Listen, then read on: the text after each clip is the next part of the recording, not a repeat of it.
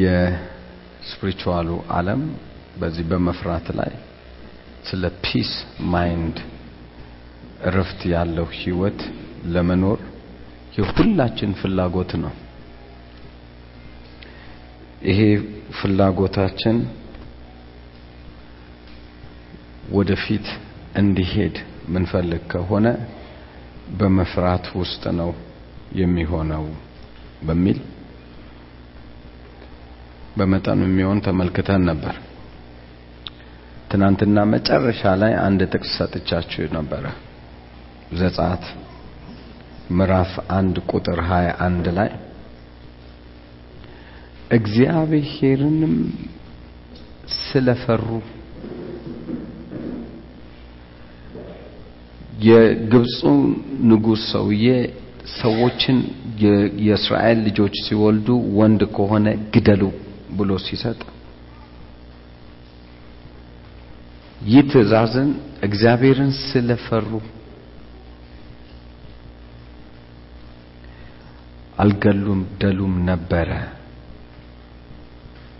ቀጥሎ የሚጠቅሰው ጥቅስ ነው። እግዚአብሔርም ቤቶቻቸውን ሰራ ይላል። የእነሱም ቤት እግዚአብሔር ሰራ። ለካ ቤትክ እንዲሰራ የምትፈልጉት ሰዎች እግዚአብሔርን መፍራት ሌላ ምንም ትርጉም የለም። ስለ ጮክ፣ ስለ ጸለይክ፣ ስለ ፈለግ ጾም ጸሎት እያልክ በሳምንት ሁለት ቀን ሶስት ቀን ከቤት አልወጣም እያልክ ብታደርግ ባታደርግ እኔ ልንገርህ እግዚአብሔርን መፍራትን እስካላወክ ድረስ ወንድምህን ምታማ ከሆነ እህትን ምታማ ከሆነ positive ንግግር ማታወራ ከሆነ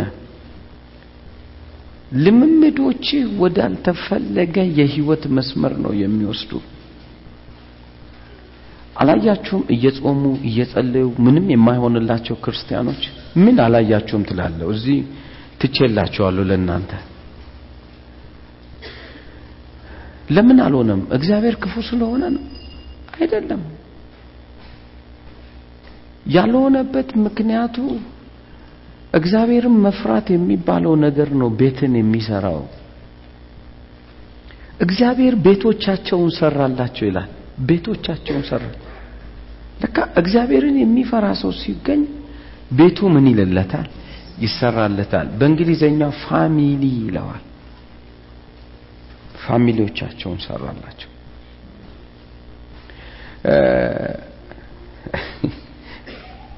ባሌ እንዲለወጥ ፈልጋለሁ፣ ባሌ እንዲለወጥ ፈልጋለሁ፣ ሚስቴ እንድትለወጥ ፈልጋለሁ። ሸረብረብልብል ለሱ ላይ ጸሎት ጀምረናል። እግዚአብሔርን ብትፈሪ አንቺ ትድኛለሽ፣ ቤተሰብሽ ምን ይላል? ይድናል። ቤቶቻቸውን ሰራላቸው።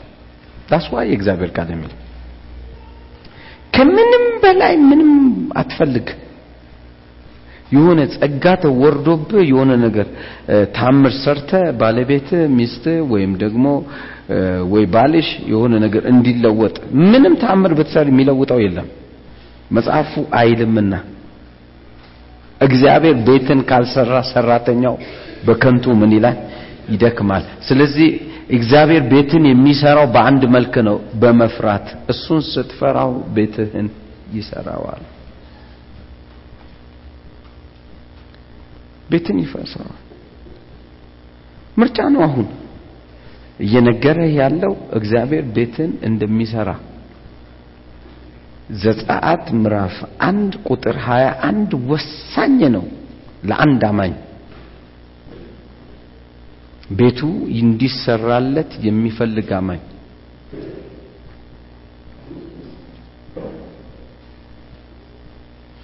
ሌላኛው መጽሐፍ ቅዱሳችን ላይ የምንመለከተው ዛሬ የምንመለከተው ንጹህና ቀጥተኛ ማለት እግዚአብሔር ንጹህና ቀጥተኛ ነገር እንዲያደርግልህ በምትሄድበት ሁሉ እንዲከናወንልህ ልብክ ከምትሰራው ነገር እንዳትጎል እንዲያደርግ የምትፈልጉት ሰዎች ምርጫ ስለሆነ አሁን የሚሰጣችሁ።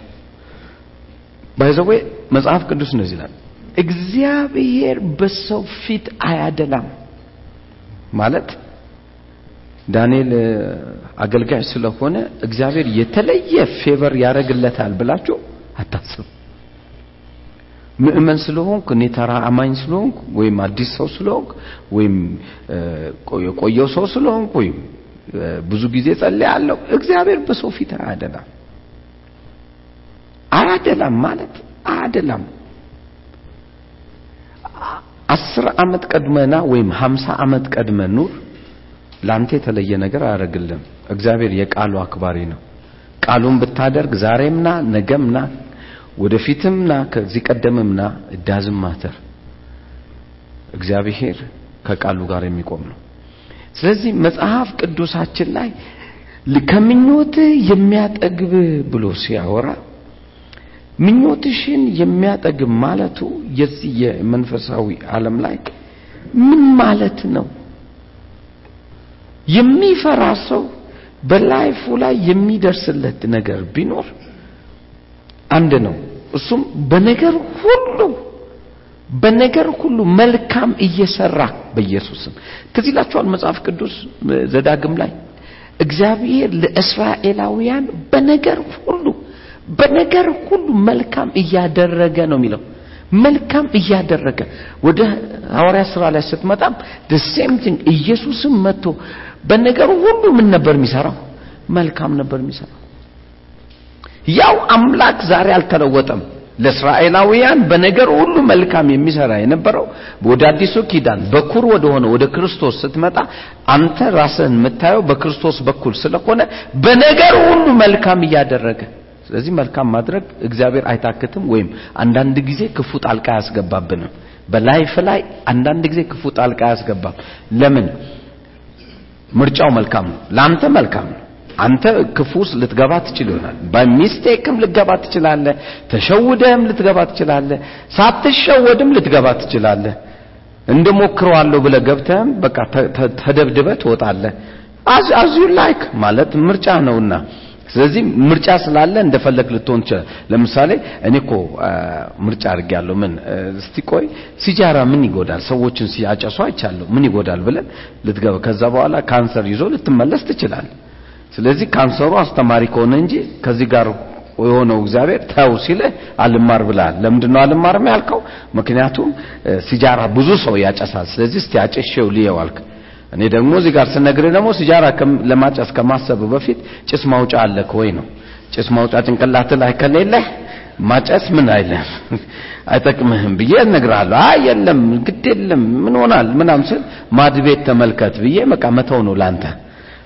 ስለዚህ በህይወትህ ውስጥ ገብተህ የምትማራቸው ነገሮች ምርጫ ስላለ ነገር ግን አሁን የምነግርህ ነገር ግን በነገር ሁሉ መልካም እንዲሆንልህ በቀጥታ እግዚአብሔር ራሱ ለአንተ በህይወትህ ፍጻሜ ያለው ነገር እንዲያወጣ የምትፈልግ ከሆነ አሁን ዛሬ የምነግርህን ነገሮች አስተውላቸው እና ምረጣቸው። ምረጣቸውና በዛ ውስጥ ለመኖር ሞክር። መዝሙር 25 ቁጥር 12 ላይ እንደዚህ ይላል እግዚአብሔርን የሚፈራ ሰው ማን ነው? በሚመርጠው መንገድ ምን ይለዋል ያስተምረዋል። ተመልከቱ። በበንትኑ ኢንስትራክት ይሰጠዋል ማለት መመሪያ ይሰጠዋል። የህይወት መንገድን ያሳየዋል። የምትፈራ ከሆነ መንገዱ ሁለት ሆኖባት ሁል ቀን አትጨነቅም። ብዙ ክርስቲያን ያለሁ እኔ ምን ይሆን ይሄ ነገር? ይጨንቀኛል እኮ። ይሄኛውን ይሆን ያኛው ይሆን ምናምን። እግዚአብሔር የምትፈራ ከሆነ በመረጠው መንገድ ያስኬዳል እየሰማችሁ ነው? በምን መንገድ ያስኬዳል በመረጠው መንገድ። even though ሰው ባልሄደበት መንገድ እመራሃለሁ አደለ ያለው ጭራሽ እግዚአብሔር ሲያወራ የመጨረሻ ደረጃ ሲደርስ ያለው ነገር ሰው ባልሄደበት መንገድ እመራሃለሁ። ያ ማለት ማለት ሰዎች አልሄዱም። አንተ ብቻ ይሆናል ጫካውን እየመነጠርክ የምትሄደው። ከዛ ቀደም ማንም በዛ መንገድ ሄዶ አያውቅም። ነገር ግን እግዚአብሔር ስለመረጠ በዛ ውስጥ ስታልፍ ህመም አለ? የለም። ጭንቀት አለ? የለም። ፍርሃት አለ? የለም። ውድቀት አለ? የለም። ምንድነው ያለው? ድፍረት። በኢየሱስ ስም። ይኸውልህ ነገር እግዚአብሔር ጋር ስትመጣ ከእግዚአብሔር ጋር ስትሄድ ሰው ባልሄደበት መንገድ እመራሃለሁ። ሰው ባልሄደበት መንገድ። ይህን ያህል እንኳን ኢንስትራክት ሲሰጥ ሰው ባልሄደበት መንገድ ይመራል። ነገር ግን ለውርደት አትሆንም። ለክብር እየሰማኝ ነው? ለምን? እግዚአብሔር ካንተ ጋር ነዋ። ቆይ የሰው ክብሩ እግዚአብሔር ከሆነ ሸለቆ ውስጥም ግባ ማን አለ? እግዚአብሔር አለ። ተራራ ላይ ሙጣ ማን አለ?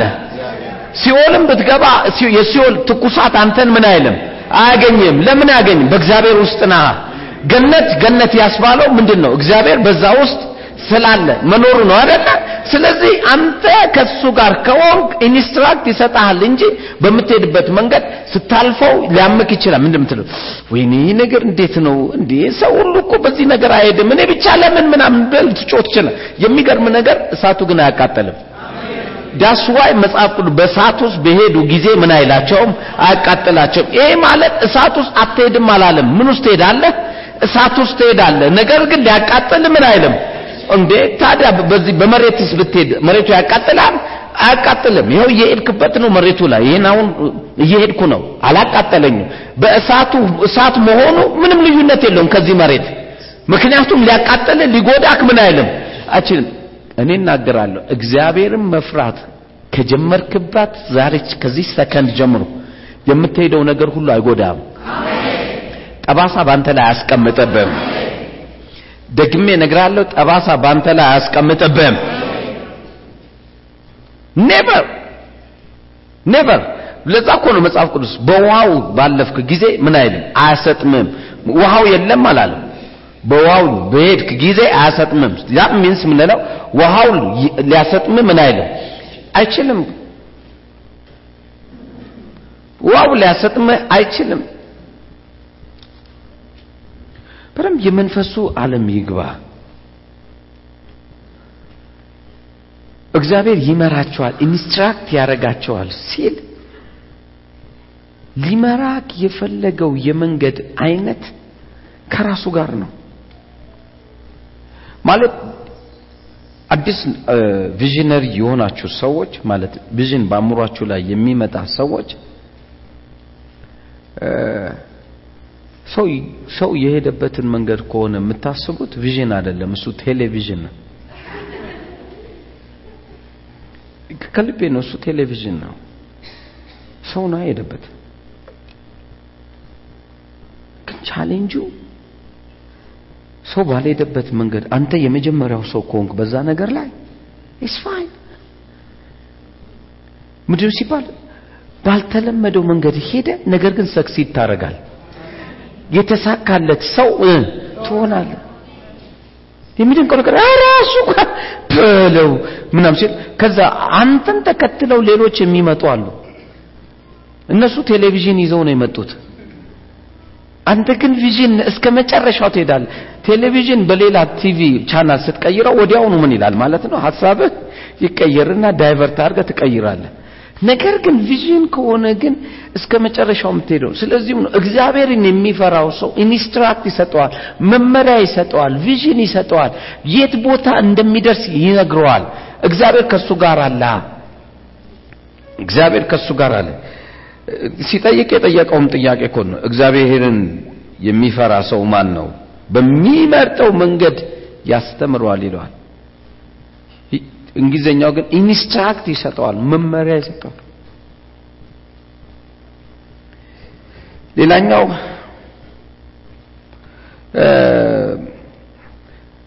ለስራክ ሙሉ ተከፋይ መሆን ትፈልጋለህ? ለስራክ ይነው አንዳንድ አማኞች አሉ እንደ ዝሆን እየሰሩ እንደ አይጥ የሚበሉ ያሳዝነኛል። ጠዋት ይወጣሉ። ስንት ነው ደሞዝ ሲባል አንዲት እህት 11 ዓመት እንትን አገልግላለች ዱባይ። ይነው ደሞዟ ስንት እንደሆን ታውቃላችሁ? 500 ድርሃም። ከ11 ዓመት በፊት 500 ድርሃም። ለዛውም ደሞዟ ተይዞባታል። 500 ድርሃም 11 ዓመት አገልግላ። እና ደግሞ ለጌታስ? በጌታ በኢየሱስ ስም። በቃ ምንድን ናት ግን ምላሷ ሰባት አልዋሽም በቃ ምላሷ ግን በቃ መናገር ነው ዝም ብላ ለጠብ የተፈጠረች ነው የምትመስልህ ግን 11 ዓመት ትለፋለች አራት ትልልቅ ፋሚሊ ናቸው። ፎቅና ምድር ነው ቤቶቻቸው። ካርፔት ያሳጥቧታል። እጇ ብታዩ ንፍሮ ነው። ይህ ሁሉ ሆና ግን አምስት መቶ ነው የሚከፈላት። ምን እንደሆነ ይግባ ካሁን ይህ መርገም ነው ብራዘር። እግዚአብሔርን የሚፈራ ሰው ግን ከዚህ አይነት ሰው ነገር ነፃ ነው። ላሳይ መጽሐፍ ቅዱስ መዝሙር 128 እግዚአብሔርን የሚፈራ ሰው እንዴት ነፃ እንደሆነ አብዛኛው ህዝብ አይመስለውም። የእንትን ተካፋይ መሆን የምትፈልግ ከሆነ የምትሰራው ስራ ተካፋይ የምትሰራውን ያህል ዋጋ ሳይሆን ኢቭን ጭማሪ ማግኘት ነው ያለብህ። ምክንያቱም አንተ የበረከት ሰው ነሃ። ተመልከቱ ነው መዝሙር 128 ቁጥር ከአንድ መዝሙር 28 ከአንድ እስከ አራት እግዚአብሔርን የሚፈሩት ሁሉ በመንገዶቹም የሚሄዱ ምስጉኖች ናቸው። ይህ እግዚአብሔርን የሚፈሩት ሁሉ በመንገዱም የሚሄዱ ቅድም ኢንስትራክት ብያለሁ። በመንገዱም የሚሄዱ ሰዎች ምስጉኖች ናቸው። ምስጉኖች ናቸው ብሎ እግዚአብሔር የተመሰገኑ ናቸው ብሎ አልዘጋም። ቀጥሎ ያለው verse ነው ትክክለኛው አባባል። እግዚአብሔር መፈራትን ማለት መፍራትን የምታውቀው እግዚአብሔር በዚህ መልክ ይባርካል። አይዋሽም።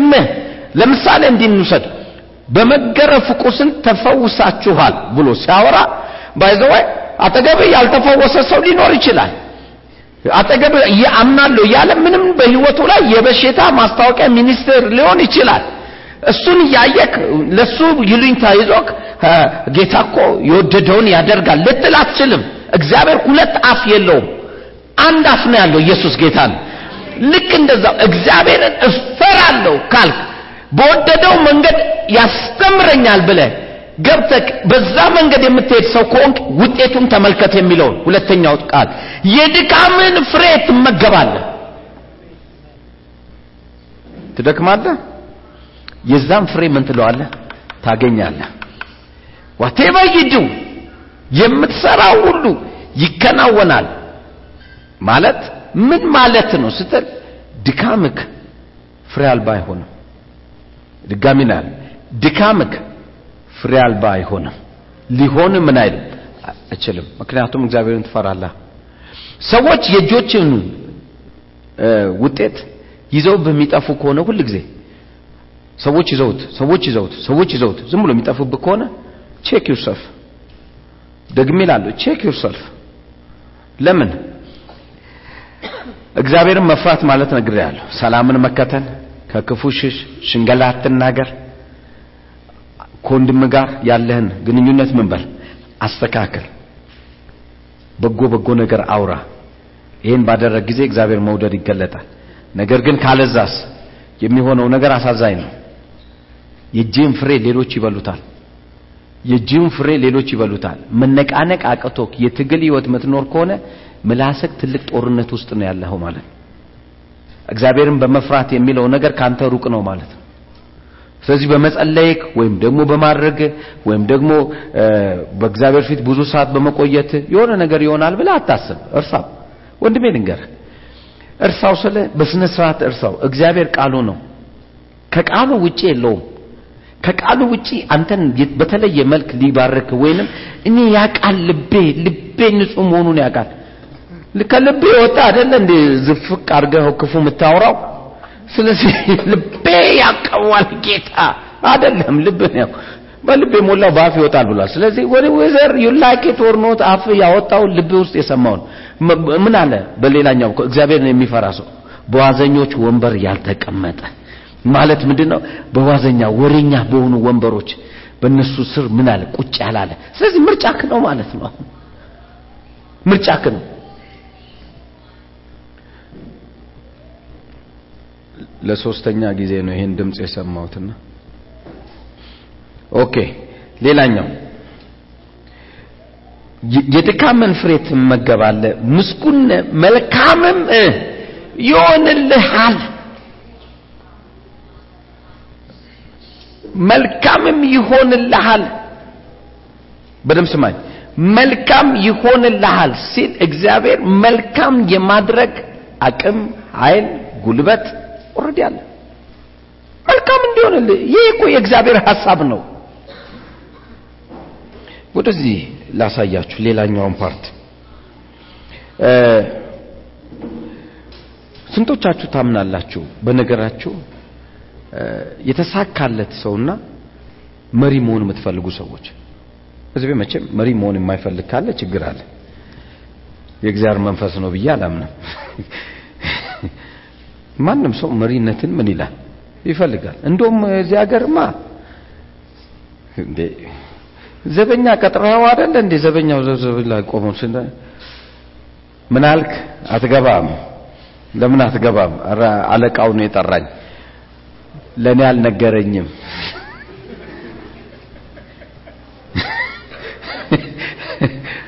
አይረሳኝም። አንድ መስሪያ ቤት ሄጄ ግባ ለመግባት ስንል አትገቡም አለ። አትገቡም? አውሽ ችግር የለም። አለቃ ጋር እንደውልና ያናግርሃል ስንለው ለኔ ደብዳቤ እስካልተጻፈ ድረስ ለማን? ሰው ለማስገባት ለሱ ምን መጻፍ አለበት? እና ደግሞ በአንድ ቀን አይሆንም አለ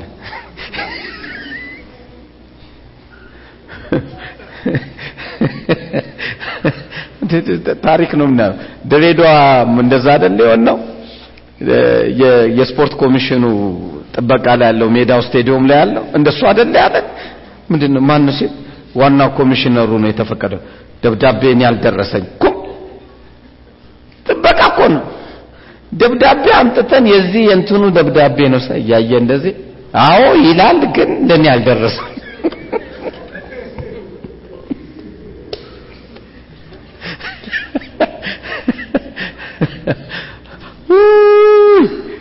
ጥሩ ነው ግን መሪ ለመሆን ግን በመጽሐፍ ቅዱሱ መንገድ ነገረን። መንገዱን ካልተከተልክ መሪ ልትሆን ምን አትልም? አትችልም። የሆነ ጊዜ አገጫጭቶ እጅ ላይ ሊያመጣ ይችል ይሆናል። የሚገርመው ነገር ግን እንደምታበላሸው ግን መቶ በመቶ ነኝ። ምክንያቱም ከእግዚአብሔር ያልሆነ ሁሉ አይጸናም። whether you like or not ከእግዚአብሔር ያልሆነ ነገር ሁሉ ምን አይልም? አይጸናም። biblically ነው ለዚህ ነው የጥቂት ጊዜ አገልጋዮች የምናየው። የረጅም ጊዜ ተጓዥ የሆኑትን አታይም። የጥቂት ጊዜ አገልጋዮች ነው የምታየው። የጥቂት ጊዜ መሪዎች ነው የምታየው። የጥቂት ጊዜ የሆኑ ሰዎችን ነው የምታየው። ለምን? ይህንን ፈለግ እስካልተከተሉ ድረስ ቢብሊካሊ ልትሆን አትችልም። ደግሞ እኛ የምናምነው የእግዚአብሔርን አይነት የትምህርት አይነት እንጂ የሰውን አይነት የትምህርት አይነት አንመለከትም እስከ መጨረሻው የሄደ ሰውን ነው የምንመለከተው። እስከ መጨረሻው የጽናት ላይ የመጣ ሰውን ነው የምትወርድ የምትሰቃይ ታች ወርደቅ ከነበርክበት የምትሄድ ሰው እንድትሆን እግዚአብሔር አይፈቅድም። ስለዚህ የሚለውን ተመልከተው። ዘጸአት ምዕራፍ 18 ምን እንደሚል ዘጸአት ምዕራፍ 18 አላፊት ለማንም ይሄ መጽሐፍ ስለማያደላ ደስ ነው የሚለኝ። ማለት ለዳኒ አይል ለአንተ አይል ለከበደ አይል ለጨቡዳ አይል የተማረ ያልተማረ አይል። ነገር ግን እግዚአብሔር ከቃሉ ጋር የሚለውን እንስማው። እንዲህ ይላል አንተም ከህዝቡ ሁሉ አዋቂዎችን እግዚአብሔርን የሚፈሩትን የታመኑ የግፍንም ረብ የሚጠሉትን ሰዎች ምረጥ ከእነርሱም የሺህ አለቆች የመቶ አለቆች የአምሳ አለቆች የአስርም አለቆች ሹምላቸው። አየ ሹመት ያለው ምን ውስጥ ነው ማለት ነው? እግዚአብሔርን በመፍራት አንተም እግዚአብሔርን የሚፈሩትን። ሰዎቹ የሹመታቸው ልክ ማንም መፍራት ነው? እግዚአብሔርን መፍራት። ሻለቃም ብትሆን ሻምበልም ብትሆን እንዲሁም ደግሞ መቶ አለቃም ብሆን አምሳ አለቃም ብትሆን ወይ አስር አለቃም በለው የትኛውም ሁን ለካ እግዚአብሔር መፍራት ወደሚቀጥለው እድገት ምን ይልሃል? ያመጣል። እግዚአብሔርን መፍራት። አሁን ለማንም ብለህ አይደለም መፍራትህ ለራስህ ብለህ ነው። ለራስህ ብለህ። ታላቅነትን ትፈልገዋለህ? ማንም ሰው እዚህ ቤት yes! alright እግዚአብሔርን ፍራ። ከክፉ ሽሽ መልካምን ማድረግ ሰላምን እሻት። ሽንገላን አቁም። ከወንድሞች ጋር በዋዘኛ ወንበር አትቀመጥ። ስለዚህ ረጅም ጉዞ ለመጓዝ ምንም ሌላ መገለጥ የለውም። ወይም ደግሞ ውጤታማ ሰው ለመሆን በነገሮች የማደግ አቅም እንዲገለጥ የምትፈልግ ከሆነ check yourself እግዚአብሔርን መፍራት ነው። እንዴ! መጽሐፍ ቅዱስ እኮ እግዚአብሔርን መፍራት ማትረፊያ ነው ካለ ለምን አተርፍበትም እንዴ ከሞት ለምን አተርፍም ከጥፋት ከውርደት ለምን አተርፍም ታች ከመውደቅ ለምን አትተርፍም እግዚአብሔር ዛሬ chance አለው። አሁን እንኳን chance አለ። ከዚህ ቀደም እንደነበርከው ልትሆን ማትፈልግ ከሆነ አሁን chance አለ። that's ህይወት ያልጠፋው። አይ እግዚአብሔር ዘግቶታል የኔን ጉዳይ። ቢሆን ኖሮማ ምን ዋጋ አለው? ዘግቶታል ጌታ ዘጋውም ገና ዛሬ ጀመረ። እስቲ በእኔ ጉዳይ ዛሬ ጀመረ በልባከ ምክንያቱም እምነት መቼ ነው? አሁን እንዲህ ወደ ኋላ ዞረ እየተቆጨ ወይኔ እችን ባቃት ኖሮ። እግዚአብሔር ስለሱ እንድትል አይፈልግም። ሐሳቤን የመጽሐፍ ቅዱስ ምን ይላል? የእግዚአብሔር ተግሳጽ ወደ ህይወት ይመራል አይደለም ይላው ተግሳጽ ወዴት ነው? ወደ ህይወት ይሞራል። የዓለምስ ተግሳጽ ወዴት ነው? ወደ ሞት። ስለዚህ ቁጭ ብለ ወይኔ ዳኒ ተጫወተብን። ድሮ ቢመጣ ኖሮ ድሮ ቢጀምር ኖሮ church። ወይኔ ምናምን ጎጎበዝ! ዛሬ አዲስ ቀን ነው። በቃ አለቀ። ለአብርሃም ሰባ ዓመቱ ሲሞላው ራእይ ጀመረ። ሰባ አምስት ዓመት ሙሉ ግን በህይወት ዘመኑ በሙሉ በቃ እንደ ነው የሚኖረው። በአባቱ ቤት እኔማ ያሳፍራል። የአብርሃምማ ጉዱ ብዙ ነው እየሰማኸኝ ነው? በሰባ አምስት ዓመቱ በአባቱ ቤት የሚኖር ጀግና ነው። አጠገብላ እኔ የለውበትም በለው ነካ አድርገውና እኔ ለሱም ሰው እንኳን እግዚአብሔር ምን አምጥቶለታል? ራእይ ከፍታ። ስለዚህ አልወደክም አልወደክም። የዓለም መጨረሻ አይደለም አሁን ያለው ስለዚህ እግዚአብሔር አሁን የሚያወራ ሹመት ትፈልጋለህ? ከፍታ ትፈልጋለህ? እንዲህ ትፈልጋለህ? አዎ አዎ ምንም ችግር የለም እግዚአብሔር okay የሚቀጥለው ነገር ምንድን ነው ነገር ብቻ አድርግ። እኔ ከአንተ ጋር መሆኔን አላቆምም። by the way እግዚአብሔር እንዳይሰራ ከሚያደርጋቸው ነገሮች ውስጥ የመጀመሪያ ረድፍ የሚይዘው ነገር ቢኖር ይሄ ነው። ፍርሃት ነው። ማትፈራ ከሆነ እንዳይሰራ ያደርገዋል። ምክንያቱም እግዚአብሔር ቃሉን አልፎ መምጣት አይችልም እግዚአብሔር ቃሉን ገፍትሮ ላንተ ሲል መምጣት አይችልም። ይህ በቃ አይመጣም። I'm sorry to say እሱ ሁሉን ይችላል። እግዚአብሔር ምን ቃሌ ከሚያልፍ ነው ያለው። እኔ ራሱን እግዚአብሔር በቃል ውስጥ ገድቦ ያለ አምላክ እንደሆነ ታውቃለህ በቃል ውስጥ ገድቦ በቃ በቃል ውስጥ አልወጣም።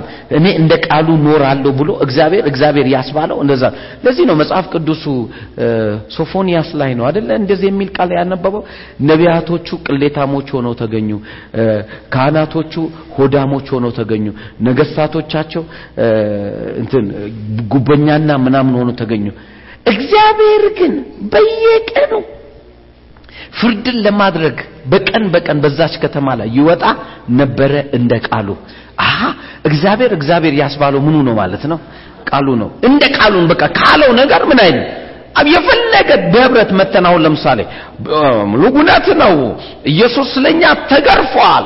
ኢየሱስ ስለኛ ፈውስ ሆኖልናል። ኢየሱስ ስለኛ ምናም ብለ አውርተክ ነገር ግን ብዙዎቻችን እንታመማለን ብዙዎቻችን እንሰቃያለን ብዙዎቻችን በብዙ መከራ በበሽታዎች እናልፋለን ምናም ብትል እግዚአብሔር ከላይ ሆኖ ይህንን ቮካብለሪን አላቀውም እንጂ የሚለው ህመምን ካንተ አርቃለሁ ያለው ቃል ሊለውጠው ምን አይልም? ሊለውጠው ምን አይልም? የሰው ህብረት እግዚአብሔርን ሀሳቡን ሊያስቀይረው ምን አይልም? የጻፈውን ነገር ሊለውጠው አይችልም ለምሳሌ ተነስታውን በዘይት መጸለይ wrong ነው። በጨው መጸለይ wrong ነው። በውሃ መጸለይ wrong ነው። እግዚአብሔር ከላይ ሆኖ በሰማምተናል። ማን? እኛ የአንጋጎ አናንጉጉ ህብረቶች።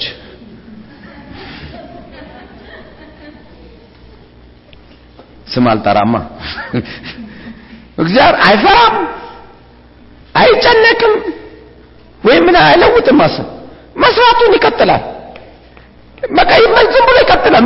ምንም ችግር የለበትም። አንተ ታልፋለህ። ቃሉ ግን ምን አይል አልፍ አንተ ታልፋለህ። የጊዜ ሰው ነህና ጊዜ ደግሞ ዝናብ ነው። ሲገባ ይገባል። ጊዜ ምንድን ነው? ዝናብ ነው፣ ወቅት ነው። አንተ ታልፋለህ፣ እግዚአብሔር አያልፍም። እጆችን በመጫን መጸለይን አናምንም።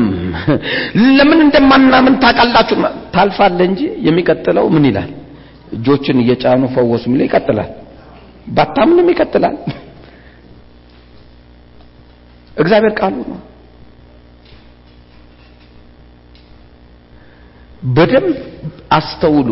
መጽሐፍ ቅዱሳችሁ ላይ እግዚአብሔርን የሚፈራ ሰው ለሹመት ይሆናል ካለ ለካ ሹመትክ ያለው በምን ውስጥ ነው? እግዚአብሔርን በመፍራት ሰው ሲጋደል ሳይ ያሳዝነኛል። አንድ ሰው ፓስተር ካላላችሁኝ ብሎ Bible college ገባ። በቃ ፍላጎቱ ፓስተር ተብሎ የሆነ ያሰበው ነገር ተገልጧል በኋላ ላይ እና ፓስተር ካላላችሁኝ ጦርነት፣ ቤት ውስጥም ጦርነት፣ ደጅም ጦርነት ምናምን ጠራሁትና አንድ ቀን ደህና ነህ ፓስተር አልኩት። አንተ ብቻ እኮ ነው የተቀበልከኝ።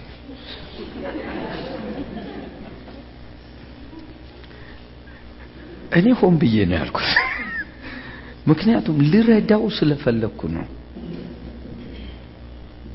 አንተ ብቻ ነው የተቀበልከኝ። እዛ ያሉ አብሮ ያለ ሌላ ቸርች ነውና እዛ ያሉ ቸርቾች ግን የሰው ቅባት ይንቃሉ ምናምን ምናምን። እንዲህ ኮሌጅ እኮ ገብቼ ተምሬያለሁ ጨርሻለሁ ይታይክ ምናምን። እኔ ሁሉን አውቃለሁና አደል ፓስተር አልኩት። ከዛ አንድ ጥያቄ ልጠይቅ አልኩት። አሁን እኔ ጀነራል ብዬ ብጠራ ራሴን ምን ችግር አለ አልኩት። ስሜ ራሱ ጀነራል ቢሆን አልኩት።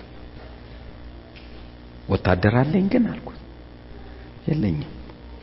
ወታደር ከሌለኝ ጀነራል መባሉ ምን ይጠቅመኛል? ማንን ላዝ ነው? ስሙም ልክ እንደዚህ ነው ስል እና አምነህበት አይደለም የጠራኸኝ ሰውን ስትጨብጥ ሁሉ ፓስተር እንትና ብለህ አይደለም የምትለው? እኔም እኮ ትክክል ነው ምን ችግር አለ? ችግር የለበትም። ዋናው ውጤት እንጂ እግዚአብሔር በሰማይ ላይ ስትሄድ ፓስተር ገሌ ይገባል የሚል ነገር የለውም። የምትፈራ ከሆነ ሹመት አለክ። የማትፈራ ከሆነ ሹመት የለም። ልኬትክ እዚሁ ነው። ስለዚህ ያንተ ጀነራል ብለህ መጻፍ ምንም ዋጋ የለውም። ስለዚህ አሁንም እኔ መቼም ሳገኘክ ፓስተር እያልኩ ነው መጠራ። don't worry ስለሱ አትቸገር። ከፈለክም ማምሻውን ነብይም በለው ከቀጠለም አምስቱንም ጸጋ ስጦታዎች በዚህ በዚህ ኮከብ አድርጋቸው ያዝ። እኔ በአምስቱም እጠራሃለሁ። ችግር የለውም። ችግሩ ያለው አንድ ቦታ ነው። ምንድነው ፍሬክ? እግዚአብሔርን በመፍራት ውስጥ ነው ነገሩ ሹመቱ ያለው። መጀመሪያም በመንፈሳዊ ዓለም ሹመት የለም። መራጩ ነው። ከገባ ገብቷል። ምኑ ነው? መራጩ ነው። መራጩ የወደደውን ምን ይላል? ይሰጣል። ስለዚህ ይህን ነገር አስተውል። anyway finally በሚገለጠው መልክ ተገለጠ። በኋላ አሁን ፓስተር የሚባለውን ስም አይደለም ሰፈሩን መድረስ አይፈልግም። ይገባል። ፈረንሳይኛው ማለት በጌታም የለም ሆሊዴይ ላይ ነው። ያችን ስም ይጠቀምባት የፈለገውን ነገር ተጠቀመባት። አንድ እውነት ልንገር፣ የፈለገ ሹመት ውስጥ ልትገባ ትችላለህ። በምድራዊ የማይቀጥል ነገር ውስጥ ለምን ትኖራለህ? የማይቀጥል ነገር ውስጥ ለምን ትኖራለህ? ሹመቱ ያለው አንድ ቦታ ላይ ነው። በሕያው በእግዚአብሔር ፊት ልንገር፣ ሹመቱ ያለው አንድ ቦታ ላይ እግዚአብሔርን ብትፈራ ሰው ሁሉ ባይሾማ አንተ ትሾማል። እግዚአብሔር ሾሞ ቁጭ ቢያል ማን ማን ምን ይሆናል? ምንም። ቆስቲ ዛሬ ጠቅላይ ሚኒስትሩ ከዚህ በኋላ መርጫሃለሁ በእኔ ፈቃድ ብሎ የእኔ ጸሐፊ ይሁን አለክ። እኛ ሁላችን አይሆንም ፕሮግራም በትክክል አይመጣም ምናም ብንል ይሆናል። አይሆንም በቃ አለቀ። ማን መረጠ? ጠቅላይ ሚኒስትሩ። በቃ እግዚአብሔር ጠቅላይ ሚኒስትር ነው ለሁሉ ለመረጠው ይሾመዋል። ግን መሾሙ ደግሞ እግዚአብሔር ፍርደ ገምድል አይደለም ሁለት አይን የለውም አንድ አይን ነው። ስለዚህ ያስቀመጠው ምንድን ነው ይሄ ሰው እኔን ምን ይለኛል? ይፈራኛል። ስለዚህ ልሹመው በቃ አለቀ።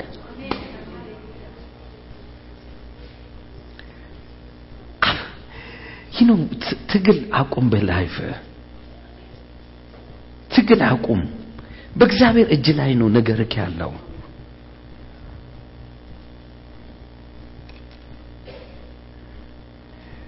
እንኪያስ እግዚአብሔር ይሄን ያህል ካወራክ ወደሚቀጥለው ምዕራፍ እንሂድ።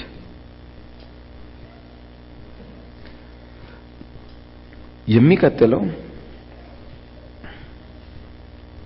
ስለ ትንሽ ነግሬያችሁ ነበር ስለ ሰለሞን።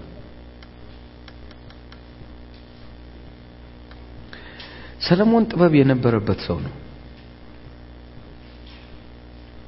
መፍራትን ግን ያልተለማመደ ሰው ነው።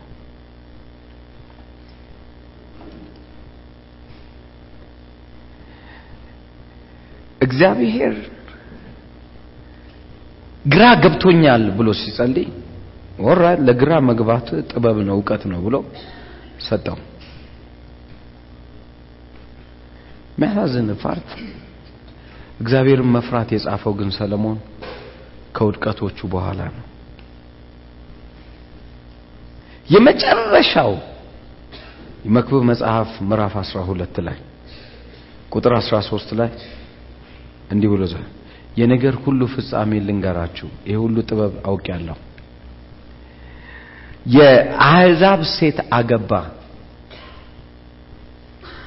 ጣዖትን የምታመልክ ሰለሞን ጣዖትን ሁሉ አመለከ እግዚአብሔርን ሁሉ ካደ።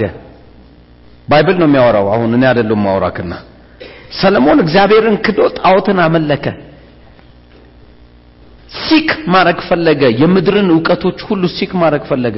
ወደ ጣዖት ገባ ኖረ። እስቲ ቆይ እንደነሱ አሰበና ሴት ላብዛ አለ። ሁለት ሺህ ቁባቶች አስቀመጠ።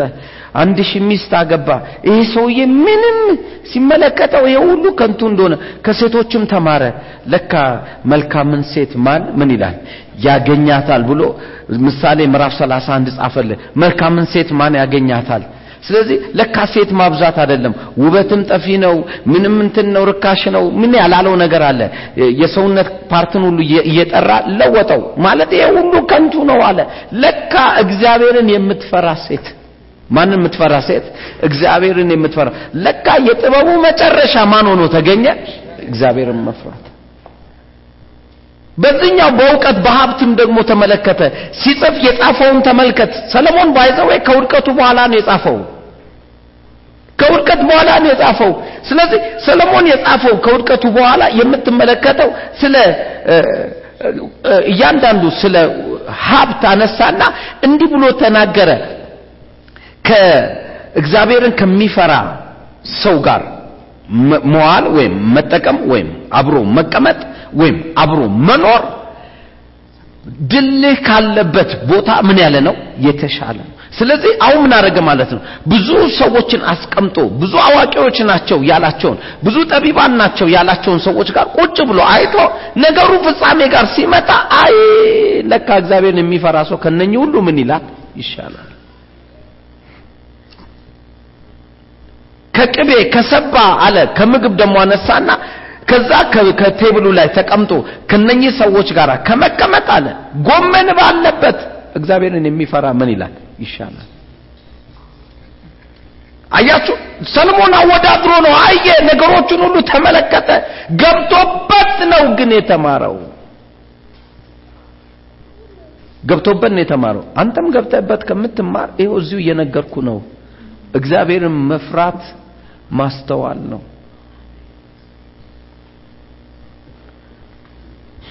ደጋም ይላል እግዚአብሔርን መፍራት ማስተዋል ነው ለምን ይሄን ሁሉ መሄድ አስፈለገ ለምን ድጋሚ አንተ አስር ሺህ ሴቶችን እንትን ማለት ፈለግክ ለምን? ለምን እንትን ሀብት አግኝቼ ከዛ በኋላ ወደ ጌታ ዞራለሁ አልኩ? No! እግዚአብሔርን ብትፈራ ከመልካም ነገር ምን አትልም? አትጎድልም። ለምን ያን ሁሉ እግዚአብሔርን ሳትፈራ ሄደክ ሌላ ጠባሳዎች ተፈነካክተ ከምትመጣ እንደ ሰለሞን ወዳድቀህ ከምትመጣ በመጨረሻ ንግግር የነገሩን ፍጻሜ ልንገራችሁ። በቃ እግዚአብሔርን መፍራት። የሰው ሁለንተና ነው አለ። ስለዚህ የሰው ሁለንተናው እግዚአብሔርን መፍራት ከሆነ ለምን ወደዛኛው ዓለም አንገባም? ለምን አትሰበሰብም? ለምን decide አታረግም ለምን የውሳኔ ሰው አትሆንም ምክንያቱም አሁን ያለህበት የህይወት ዘይቤ እግዚአብሔር ፍጻሜን የሚያወጣው የነገሩ ፍጻሜ ያለው መፍራት ከሆነ ፍጻሜው ላይ ለምን ቆማ አትጀምርም? ንግግሩ ይሄ ነው። ፍጻሜው ላይ ለምን ቆማ አትጀምርም? የነገሩ ማለት ፍጻሜ ወጥቶለት በእርግጠኛነት ምነግር ሰላምክ የተጠበቀ ይሆናል። ሰላም ሰላም ወደፊት እንዴት ይሆናል? እኔ ጋር ሰላም ይኖረኝ ይሆን ብላ አትጨነቅም። የነገሩ ፍጻሜ ምንድን ነው ሰላም ነው ስለዚህ ምንድን ነው የነገሩ ፍጻሜ ሰላም የሆነው በምን ውስጥ ነው? በፍርሃት ውስጥ ነው። ስለዚህ ብትፈራው የነገር ፍጻሜ ሁሉ ምን ይሆናል? ሰላም ይሆናል። መጽሐፍ ቅዱስ በትናንትና ተነገረ። ባለጠጋ ባለጠጋ። ወርዱ ራሱ ደስ ይላል። ቃሉን ስትናገረው ደሃ ስትለው ራሱ አፍ ላይ ውሃ ውሃ ነው የሚልክ ባለጠጋ ስል ወፈር ይላል ራሱ። ጥሩ አጠገብ ላለሁ ባለጠጋ ትሆን ዘንድ የእግዚአብሔር ሐሳብ ነው በለው። ነካ አድርገውና ብትፈራው ትሆናለህ በለው። ነካ አድርገው። እንኳን ይሄ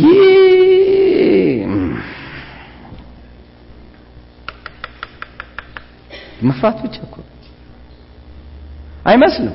አይ ነው ግን ሰለሞንን ጠይቀው።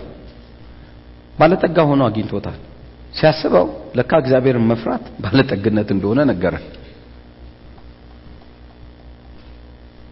ኤርሚያስን ጠይቀው ባለጠግነት ማለት እግዚአብሔርን መፍራት እንደሆነ። የነገሩ ሁሉ ፍጻሜ እዛ ላይ ከሆነ ያለው ለምን ወደ ፍጻሜ አትሄድ ለምን ብዙ ትደክማለህ? ለምን ሩጫ ሩጫ ሩጫ በቃ ስታየው ይለወጣል አንድ ቀን ይለወጣል። ግን ትግል ነው ለምን እንደዛ መሄድ አስፈለገ? እግዚአብሔርን ብትፈራ። የእሱ ጣልቃ ገብነት። One minute history ህን ይቀይረዋል። ያው እግዚአብሔር ምስክሬ ነው። የመጣህበትን አቅጣጫ ሁሉ ይገለብጠዋል። ይህ ተራ ነው ያለክ እሳቸው ይላል ከልቤ እኮ ነው የምነግርህ። እሳቸው እንዳሉት አንተ እኮ ምንም የተለወጥኩልን ትምሮክም ያው ነው ምንክም ያው ነው ግን እግዚአብሔር ለወጠው። status ሲቀየር immediately አስር ደቂቃ በፊት እሳቸው ሆኖ ቁጭ አለ። ኦ ይህን ማወቅ ከፈለግ ጠቅላይ ሚኒስትሩን ጠይቃቸው። ጠቅላይ ሚኒስትሩ ድሮ አስተማሪ ነበሩ። ነው አይደለም? ነው። በቃ ጠቅላይ ሚኒስትሩ ድሮ አስተማሪ ነበሩ ሲያስተምሩ የአዋሳ የአርባ ምንጭ አይደለ? አርባ ምንጭ ዲን ሆነው በቃ ያስተምራሉ። በቃ ላይፋቸው እሱ ነው። ሲመጣ ማንም ተማሪ እዛ ተማሪ የሆነ ሰው ያውቃቸዋል ከዛ ውጭ አናቃቸው ጠቅላይ ሚኒስትር ተብሎ በተሾሙ በማግስትስ? እዛው ተሾመው እዛው ልክ ሲወጡ ሁላችንም። ከዛ ቀደም እዚህ ቤት ቢመጡ ኖሮ የምትለው ነገር ምንድን ነው እንደ ማንም ሰው ግባና ቁጭ በል። አሁንስ ቢመጡ ማን እኔን ይሰማኛል? እዚህ ቤት እና አሁን እሳቸው ቢመጡ ማን ይሰማኝ የምትል ምን ሁላችሁም ዞራችሁ።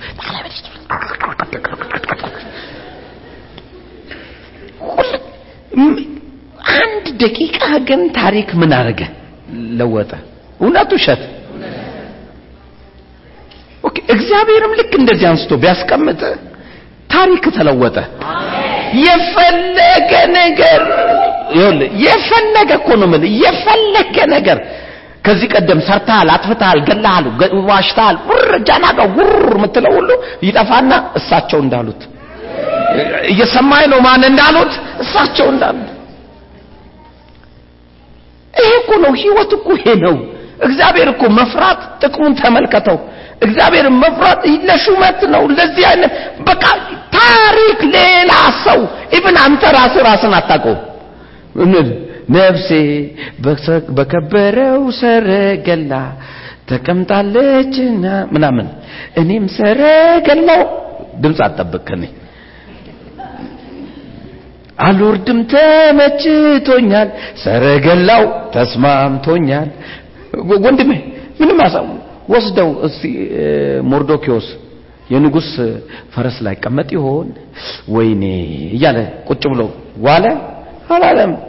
ማድረግ ያለበትን ሁሉ ይሰራል ግን እግዚአብሔርን የሚፈራ ሰው ነበር። ስለዚህ እግዚአብሔር ከላይ ሆኖ ቆይ ቆይ ንጉሱ ብቻ አይቀመጥም እኔን የሚፈራኝ ሰው ለምን አይቀመጥም? ምኑ ላይ? ፈረሱ ላይ። አይውላችሁ አእምሯችሁ ብትፈራው ይሄ ነው ቤኔፊቱ እሺ ብትሉ ብትታዘዙ የምድርን በረከት ምን ትላላችሁ? ትበላላችሁ ነው ያለው። ስለዚህ ለአንተ እኮ ነው ምድር ላይ ከፍታው የትኛውም ነገር ይሁን ያንተ ነው። Whether you like it or not ያንተ ነው። ሩቆን የተሰቀለብህ በአንድ ምክንያት ነው። አለመፍራት ነው። አለመፍራት ነው እንጂ ሌላ ምንም። ሆኖ የሚታየክ ያ ነው ሁለት ነገር አስተውል። እግዚአብሔርን መፍራት ሰው መፍራት ወጥመድ ነው። እግዚአብሔርን መፍራት ግን ተድላ ነው ደስታ ነው። ልንገር እግዚአብሔርን መፍራት ከመልካም ነገር ጋር የሚያገ ሰው ስትፈራ ወጥመድ ነው። ትታሰርበታለህ። ሳትወድ ታደርገዋል ስለፈራው ብቻ። ሳትፈልግ አንተው ራስ እግርህ እዛ ይገኛል እግዚአብሔርን ስትፈራው ግን ለክብር ነው። ስለዚህ መጽሐፍ ቅዱሱ ምሳሌ ምዕራፍ 29 ቁጥር 25 ላይ ስታነበው የሚለውን እንመልከተው። ምሳሌ ምዕራፍ 29 ሰው መፍራት እንዴት ወጥመድ እንደሆነ። 29 ቁጥር 25 ሰውን መፍራት ወጥመድ ያመጣል እግዚአብሔርን የሚታመን ግን እርሱ ይጠበቃል። ማለት ምንድን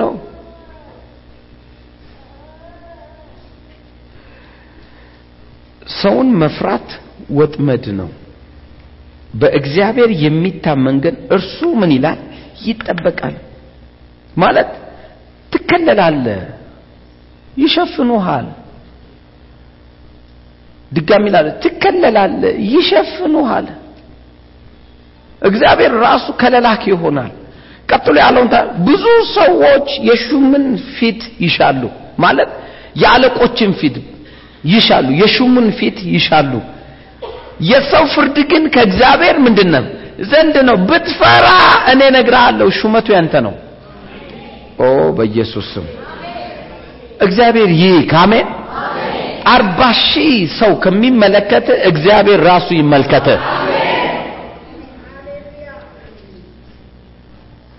እግዚአብሔር ይመልከተ እግዚአብሔር ከተመለከተ ሰላም ነው ኦ በኢየሱስ ስም። እስቲ ይቻላል በል እስቲ።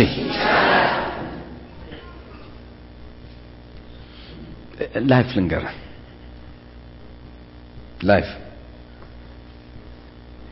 ይህም ዓለም ሁሉ ነውና የሚሰማው። ስለሚሰሙት አንድ church። እዚህ ሀገር ይሁን አሜሪካን ሀገር ይሁን አውሮፓ ይሁን አፍሪካ ይሁን ላቲን አሜሪካ ይሁን ወይንም ደግሞ ኤዥያ ይሁን አንድ ፓስተር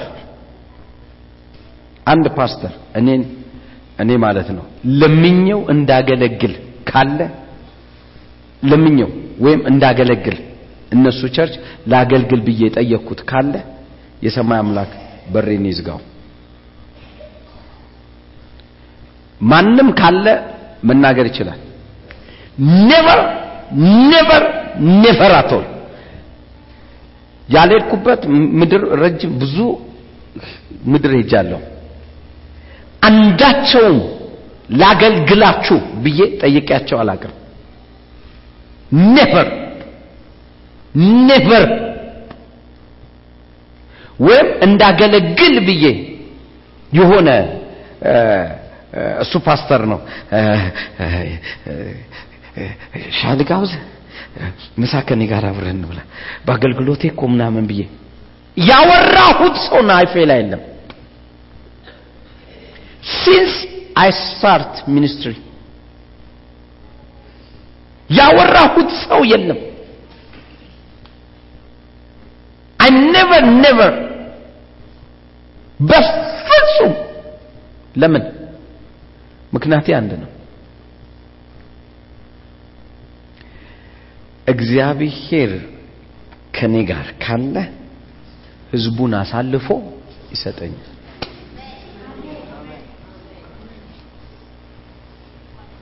That's why አይተኝ አታቅም እዚህ ሀገር ላይ ከአገልጋዮች ጋር ምናምን ስዞር ወይንም ምናምን አይተኝ አታቅም እንግሊዝም ሀገር ብትመጣ አታየኝም። አሜሪካ ብትሄድ አታየኝም። የትም ሀገር አታየኝም። ማን የሚባል አገልጋይ አለ ብዬ ጠይቄ አላቅም እዚህ ሀገር ጎረቤት እንኳን ብትጠይቀኝ የት እዚህ ጋር ቸርች አለ ብትለኝ እኔ አላቅም ነው ምልክ አንተ ልትነግረኝ ትችላለህ። እጄ እንትን ለማለት never at all never at all ጉዳይ አንድ ነው። እግዚአብሔር ቃሉን አምኜ ገብቻለሁ። ማንም ሰው እንዲያየኝ አልፈልግም። ራሱ እግዚአብሔር እንዲያየኝ እፈልጋለሁ ያው እንዲህ ስል ሞኝነት ሊመስል ይችላል። ነገር ግን ወዬ ነው። እስከ ዛሬ ያመጣኝ ነው።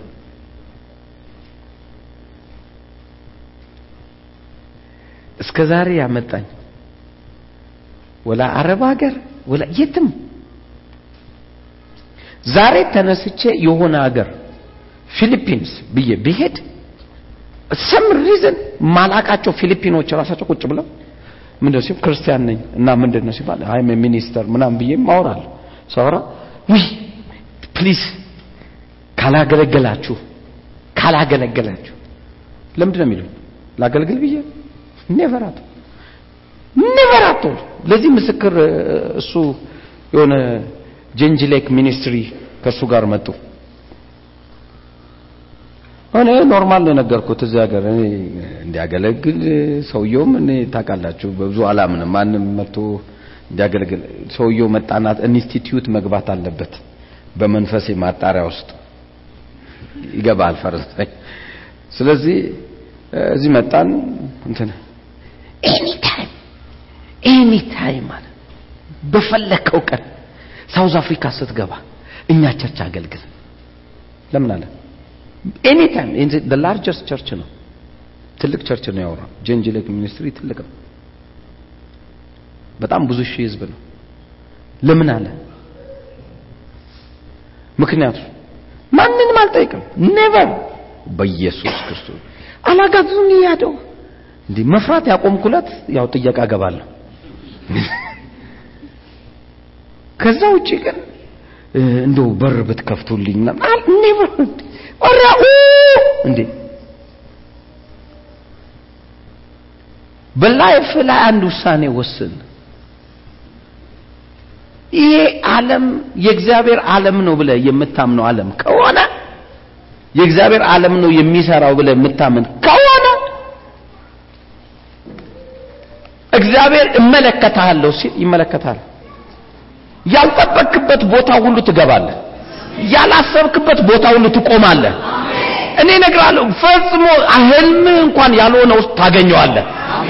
ደግሞ ምኞትም የሆነው ነገር ላይ ትቆማለህ። ለምን? እግዚአብሔር በር ከፋች ነዋ። አጠገብ ላለሁ ሹመት ከዛ ነው በለው ነካርገን ነው ወደ ግራም ወደ ቀኝም አትበል። እግዚአብሔር ምን ይላል? ይሾማል አይደለም የሚለው ሁለተኛ ዜና ላይ? ወደ ግራም ወደ ቀኝም አትበል ሹመት ከማን ነው? ከእግዚአብሔር ዘንድ ነው። ስለዚህ የሹመቱ መንገድ ግን አለ ከእግዚአብሔር። ሁሉንም አምጥቼ ሾማለሁ አላለ የሹመቱ መንገድ ግን አለ። እኔን ፍራኝ whole the story.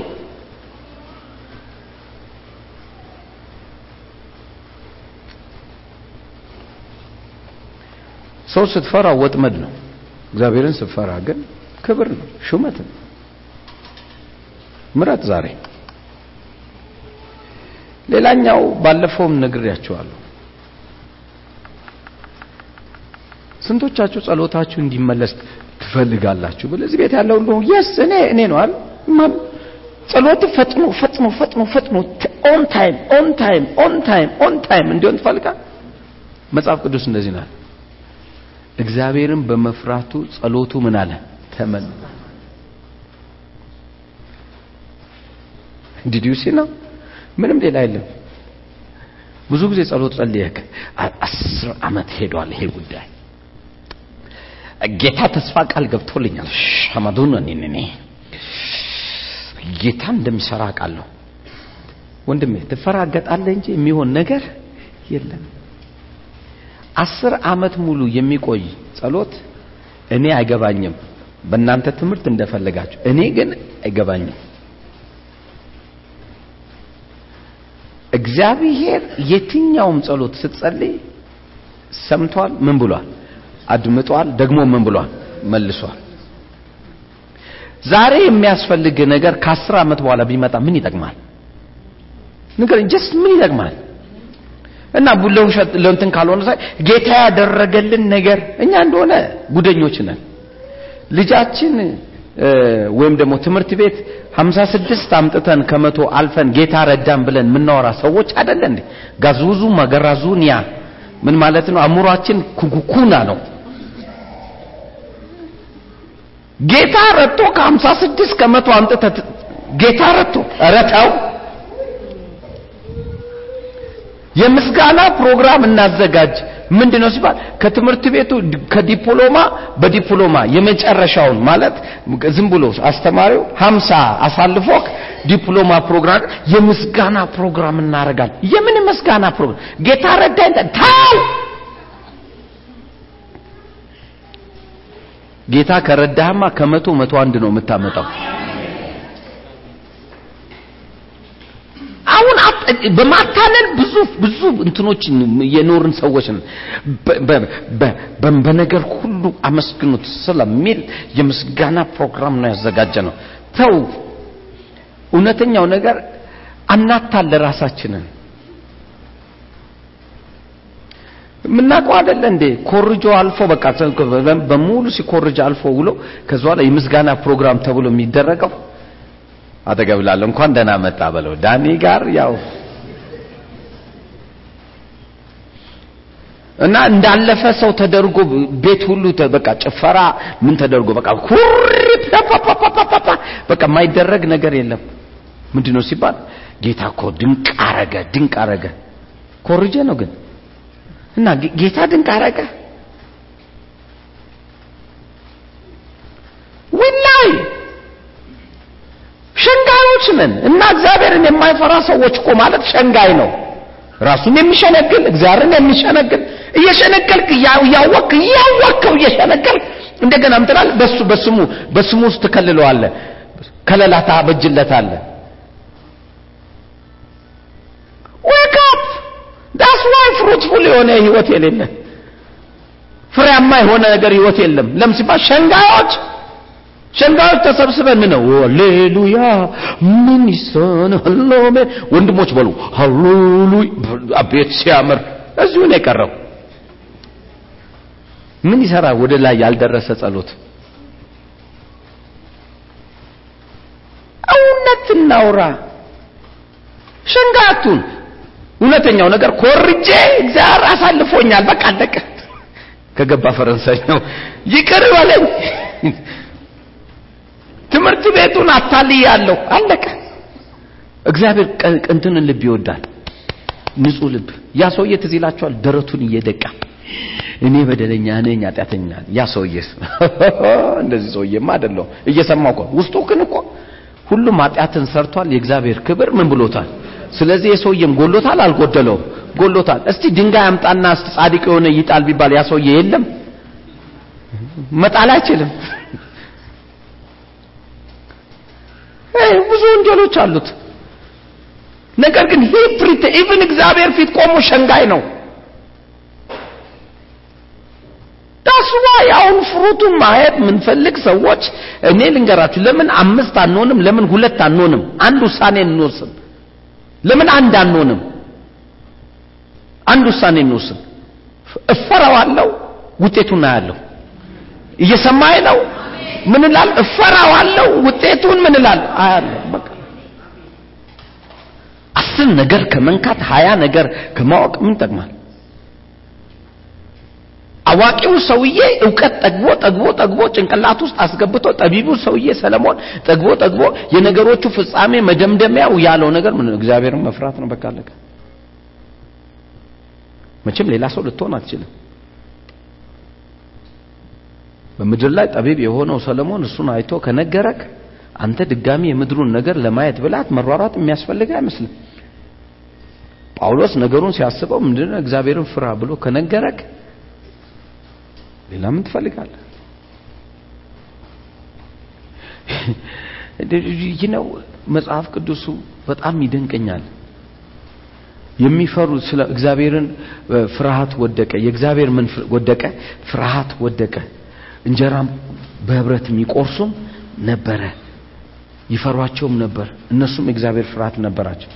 ስለዚህ ምን ሆነ? እግዚአብሔርም የሚድኑትን በላያቸው ላይ ይጨምር ነበር። አየህ ስትፈራ ምን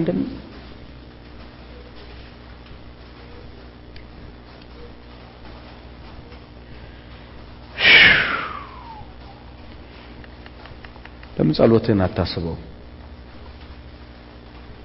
ወስን እስቲ ዛሬ ጸሎት ለምን ጸልያለሁ በል። የምጸልይበት አጀንዳ እግዚአብሔርን በመፍራት አስቀምጠዋለሁ። እግዚአብሔር ይሰማል። እግዚአብሔርም ሰማ አደመጠ ነው አይደለም የሚለው። ሰማ ምን አለ? አደመጠ። ደግሞ ምን አለ? መለሰ። ስለዚህ ለእግዚአብሔርን ስለ መስማቱ ስለ መፍራቱ ጸሎቱ ተሰማለት ስለሚል እግዚአብሔርም አደመጠው መለሰለትም ከሆነ ምርጫው አንተ ነው። አሁን ሌላኛው መዝሙር 31 ቁጥር 19 ይህንን ነግሬያችሁ ዛሬ እንጨርሳለን። አላህ እንደምትወዱት እርግጠኛ ነኝ።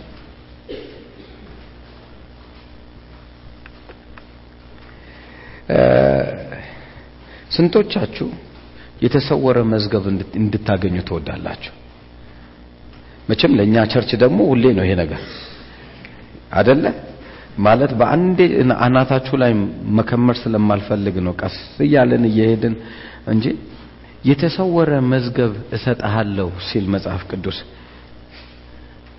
ብሏል ብሏል እያለን እንጮሃለን። ነገር ግን እግዚአብሔር የተሰወረ መዝገብ የሚሰጣቸው ለነማን ነው? ለማን ነው ያዘጋጀው የተሰወረ መዝገብ? ለሚፈሩት ሰዎች ብቻ። did you see ነው እግዚአብሔር precondition ያስቀመጠው ነገር ይህንን ብታደርገው ይሆንልሃል ብሎ ያስቀመጠው ነገር አለ። ስለዚህ እናንብበው መዝሙር 31 ቁጥር 19 ውይ ጌታ ይረዳናል። እንዲህ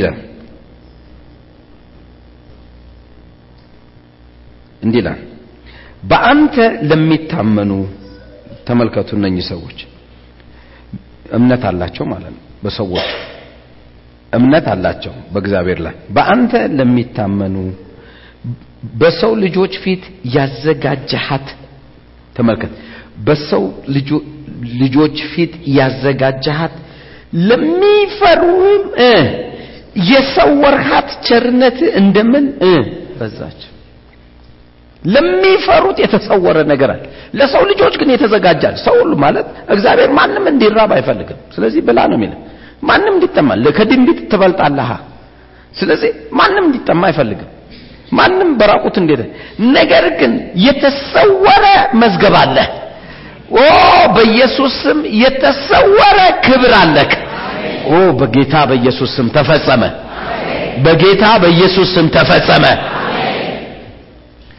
ለሰው ልጆች ያዘጋጃሃት ያዘጋጀው ነው ሌላው። ነገር ግን የተሰወረ ግን መዝገብ አለ። የተሰወረ ማንነት አለ። okay እስቲ በዚህ ላሳያችሁ። አይ አይ ነው እግዚአብሔር አይናችሁን ይከፍተዋል። እንደዚህ እንቁላል ስትመለከተው አየር ይገባበታል? ይገባበታል? አይገባበትም ማለት አሁን እግዚአብሔር መፍራት ልክ እንደዚህ ነው። እንቁላል አየር አይገባበትም። የሚደንቅ ነገር ግን እንቁላሉ ውስጥ ግን ህይወት አለ። እንቁላል ውስጥ ምን አለ? ህይወት አለ። ጫጩት ሲወጣ እዛ ውስጥ እያለ ይተነፍሳል አይተነፍስም ይተነፍሳል። በቂ አየር በቂ ምናምን በቂ የሆነ ነገር ሁሉ እንቁላል ውስጥ አለ የለም። እንቁላል ለመሆን እግር ለማብቀል ምን ለመሆን እንቁላል ውስጥ ራሱ ፖቴንሻሉ ኃይሉ አለ አቅሙ አለ። እግዚአብሔርን በመፍራት ውስጥ ብትኖር ልንገር ሼልፍን ሰብረ ለመውጣት ነው እንጂ እዛ ውስጥ ብቁ እንቁላል እንትን ዶሮ የመሆን ኃይል ዶሮ የመሆን አቅም ዶሮ የመሆን ማንነት already ውስጡ አለ የሚገርመው ስትመለከተው አየር የለው ምን የለው? እንደ ሳይንሱ ከመጣ እንዴት ሊኖር ይችላል? እንዴት ነው የሚኖረው? እግዚአብሔር ግን እንቁላል ውስጥ በቂ አየር አስቀምጧል። እየሰማኸኝ ነው? በፍርሃት ውስጥ ይህን ሁሉ በረከት አስቀምጦልሃል።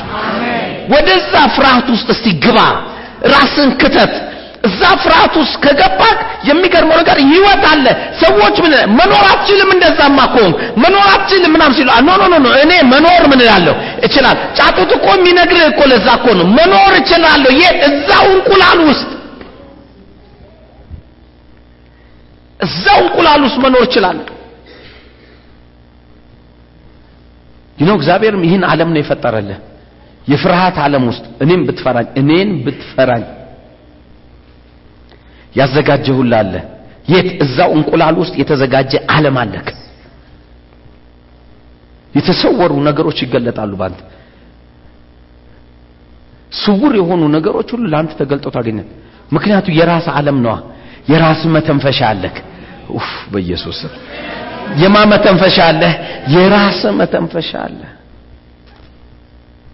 ለዚህ እኮ ነው መጽሐፍ ቅዱስ በእናት ሆድ ውስጥ አጥንት እንዴት እንደሚዋ እንደማታውቅ እንዲሁ የእግዚአብሔርን ስራ አታውቀው አታውቀውም ስለማታውቀው በቃ አይ እንደ ዓለም ሰው መሆን ነው ያለብን እንጂ የዚህ ጥበብማ መሆን አለብን። የነኚህ ጥበብማ ይሄው ነው እኮ ፍዳውን መጨረሻ። ሰለሞን ነገረ ይሄ ነው ታሪኩ። የነገር ፍጻሜ እሱም መፍራት ነው። ስለዚህ ብትፈራው ይሻልሃል አለ እስቲ እንደግ። ወደ እግዚአብሔር ፊታችን ይመለስ። ወደ ልቡ እንምጣ። ወደ እሱ ልብ እንጣበቅ። እስቲ እንኑር። እስቲ ፍሬ እናፍራ። መኖራችን አልቀረ። ቸርች መተን ኡ ማለታችን ቤት ገብተን ሻራካ ኩራካ ምናም ማለታችን ጎረቤት ድብ እስከ እንትኑን ስፒከራችንን እስከ መጨረሻ አድርገን ጠላቴ ተው ብያለሁ። ተው ተው ተው ተው። ከዛ በኋላ ምንድን ሲባል እኛ የጌታ ነን። የጌታ መንፈስ ያለበት አንድ ነው። ከጌታ ጋር የሚተባበር መንፈስ አንድ ነው። ጉር ግን ለውጥ ምንም ኔፓ። ስለዚህ እንቁምና አሁን እስ ወደ መፍራት እንምጣ። እንምጣና እስቲ ለውጡን እኔ ውጤታችን ይናገር ውጤት ይናገር። ባይዘው እግዚአብሔር ሲያከብር መንገዱ ሁሉ ክፍት ነው። ከልብ ይነግራል የሚነሱብህ በሙሉ እንደዚህ አይተውክ ኦኦ ይህ ሰው ከማ ዘንድ ነው? ከእግዚአብሔር ዘንድ ነው። በደንብ አሁን ተረዳ። ሩቅ መንገድ መጓዝ ነው የምትፈልገው? እዚ ቤኔፊቱ አሁን ፊት ነው። ተቀምጦልሃል የመረጥከው እንደሚሆን እርግጠኛ ነኝ። ደግሜ ላለሁ የመረጥከው እንደሚሆን እርግጠኛ ነኝ። ደሞም ተፈጸመ። ምን አለ? ምን አለ? እንደ ቃል ሆኖብሃል እኔ ከእግዚአብሔር ወገን ነኝ እግዚአብሔርም ከኔ ጋር ነው። በሱ ትምህርት ይሄዳለሁ ወራሽም እሆናለሁ። በኢየሱስ ስም አሜን ተፈጸመ